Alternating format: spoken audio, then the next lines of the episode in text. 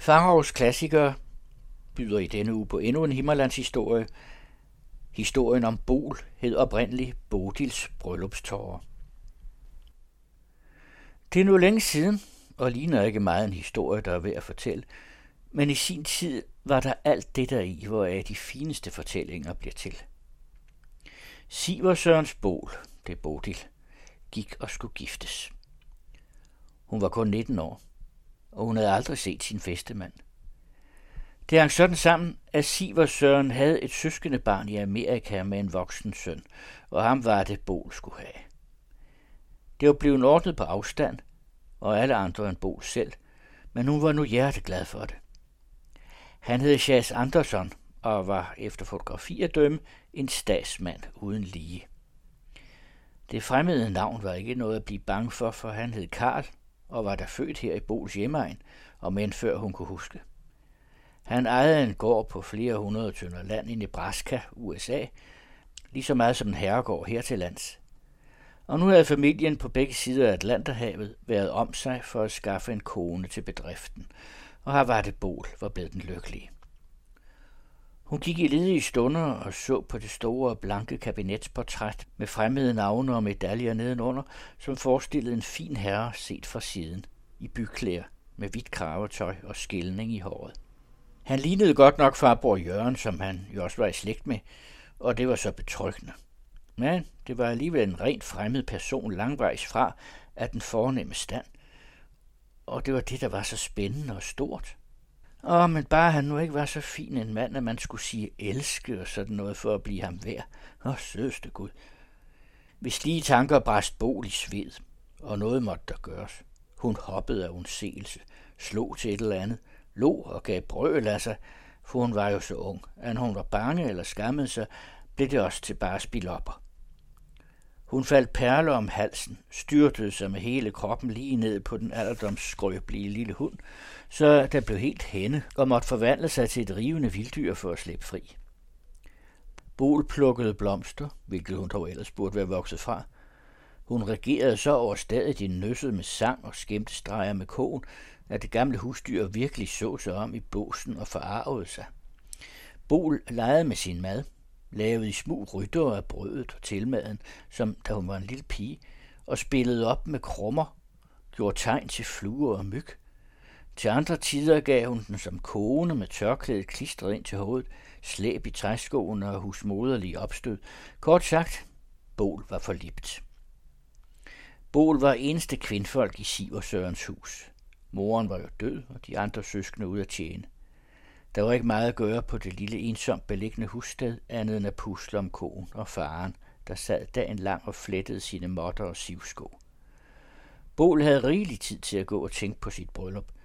Der var fire måneder. Fire måneder til. Både kort og længe.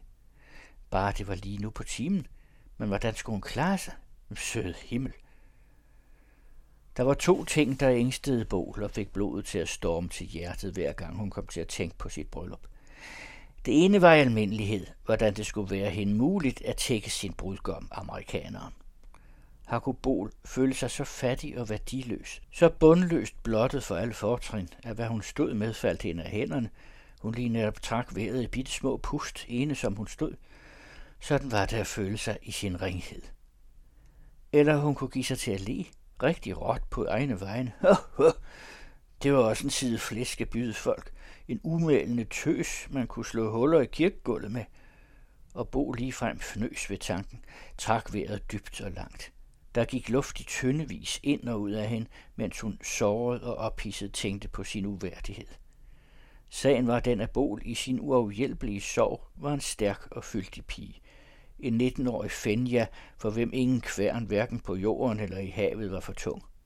Hun var en jættekvinde, men med en hoppes hjerte, sværlemmet og med rygstykker som en kran. Hun var sig i dybeste skamfuldhed bevidst, at hun kunne stå med fødderne i en skæppe og lægge en tynde ru op på nakken. Hun kunne næsten løfte kogen, havde engang i al hemmelighed prøvet det, ligesom for at se sin ulykke i øjnene. Der var jo ingen, der behøvede at vide det, men skjule det for sig selv, det kunne hun altså ikke.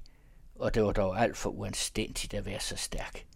Ikke nok med, at hun havde de forfærdelige kræfter, men hun var før Ja, bitte kære børn, hun bognede ud over al tilladelighed. Det kunne nu ikke dølges, og det var til at dø af blufærdighed over. Hvor var det muligt, at noget mandfolk kunne synes om hende? Hvordan skulle hun se sin brudgom i øjnene med bevidstheden om at være en eneste fejl fra top til tå? Det var Bols ene alvorlige sorg. Den anden kunne synes mere ubetydelig, men den beskæftigede hende næsten lige så stærkt. Det var som en slags fix idé. Bol nærede en nagende angst for, at det skulle gå hende galt på bryllupsdagen. At hun ikke, sådan som det sømmede sig en brud, skulle komme til at græde for alteret. Og hun kom ikke til at græde. Hun vidste det. Og det var ikke til at bære, hvis hun gjorde sig selv skam. Bol havde ikke let til tårer, men når det galt, så græd hun ikke en drøb. Det kendte hun af erfaring. Hvad vil folk sige? Hvad måtte Chess Anderson tro, hvis det nu gik, som hun spåede sig selv, at hun kom til at gå tørøjet fra hvilesen? Bol kunne få vand i øjnene, når hun tænkte på det forfærdelige, men det trøstede hende aldeles ikke med hensyn til udfaldet, når dagen kom. Hun var en uro i huset de måneder. Siversøren så tit hovedrysten op fra sit arbejde og gjorde sig sine tanker over datteren, der gik så rent henglemt i sig selv og snart var rød og snart bleg. I midlertid, de fire måneder gik, to dage før bryllup, kom Chase Andersson. Han var enøjet. Det havde jo ikke skæmmet fotografiet, da det var den tomme øjenhul, der vendte væk. Han lignede hverken en bonde eller en fin, var hverken gammel eller ung, lå ikke og var ikke ked af noget. Han havde penge og var nærig, talte hverken dansk eller engelsk. Han åbnede munden meget, men ikke for at smile. Man skulle se, at han havde guld i tænderne, som om han i årringer ikke havde spist andet. Han kom med toget og var iført en fyrstelig pels med hårene udad, så han lignede en bjørn, der gik på bagbenene. Da det var i april måned og temmelig varmt, gjorde folk et skrøbeligt forsøg på at få latteren i gang og hidføre en rask afslutning på den opsigtsvækkende roman, de lavede til nede i Siverhuset. Men det forsøg frøs de ind med. Chas Andersen havde sørget for at sende et rygte forud for sig, og det udbredte sig snart. Dagen før han kom, fik en mand i sovnet et åbent brevkort fra ham, hvor i han med kulde forhørte sig om prisen på Moholm. Kan hende han ville købe den? Moholm. 200.000 kroner. Gå til side, bedt folk. Man fik ingen lystighed ud af Chas Andersons besøg på egnen. Han var der kun godt og vel en uges tid, lod sig ikke tør op. Folk fra sovnet, der havde kendt ham som dreng, forsøgte at nærme sig ham, gik ligesom skævt ind på ham, blændet af det lys, der udgik fra formodningen om hans rigdom. De kaldte ham varsomt ved hans gamle navn Karl, som han havde lyttet, da han trak om under regnen i kærerne som hyrdedreng. Chas Anderson havde ikke noget at tale med dem om, vendte det tomme øje til. Chas Anderson aflagde ikke besøg hos nogen ud over sin fattige slægt. Man skulle dog for en gang skyld vises til ret i sin standsfordomme. Siden da Chase Anderson og Mrs. Anderson var rejst, sivede det ud, hvorfor den hjemvendte amerikaner havde indtaget en så kølig holdning over for sovnets beboere. Man havde jo glemt æresporten. Ja, det var sandelig en forløbelse. Nu kunne det svige til sovnet. Chas Anderson efterlod rygtet om, at fattigkassen skulle have været betænkt med en rundelig sum, hvis... Au, havde man dog bare vidst det. Man havde åbenbart ikke haft forstand på at formidle ham.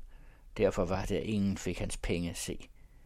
Chas Anderson brugte vist nok alt i alt ikke fem kroner i den uge, han var på egen. Man havde nægtet ham hans æresbevisninger. Han kom nok aldrig tilbage mere. Deri fik folk ret. Men Lobol, hvordan havde hun klaret sig med sine amerikaner fra den stund, han kommer til hun under hans kolde øje sidste gang vendte sig og så Siverhuset der i kanten af kæren, inden hun fristede rejsen over det vilde hav. Hun var kommet nogenledes fra det. Som hun med så meget skræk havde forudset, var Chas Anderson begyndt at snakke om elske, og det både med æ og med d, og det var gået igennem hende som den ene styrtsø efter den anden af usagelig forlegenhed, men heldigvis var tungen der straks sprunget lam på hende, så hun ikke havde gjort det ondt værre ved selv at prøve at snakke i den fine stil. Hun håbede til Gud, at det skulle lykkes hende at tige også i fremtiden. Bare hun tav, ville Chas Anderson måske aldrig opdage hendes sørgelige mangel på edle følelser. Hvad Bols upassende kræfter angik, havde hun da endnu haft held til at skjule den. Og så længe Chase Anderson ikke greb hende deri, skulle hun nok holde den for sig selv. Med hensyn til at græde på kirkegulvet, gik det ikke Bolen nær så slemt, som hun havde frygtet. Hun græd bitterligt, da hun stod brud. I hørte Bol, en Himmerlands historie af Johannes V. Jensen. Den stod oprindeligt trygt i hjemmets noveller i august 1906 under titlen Bodils Bryllupstårer, og den blev så genoptrykt i Himmerlands Historier 3. samling i 1910. Der kommer flere Himmerlandshistorier i de næste uger her i Farhavs Klassikere. Journalistik på den klassiske måde.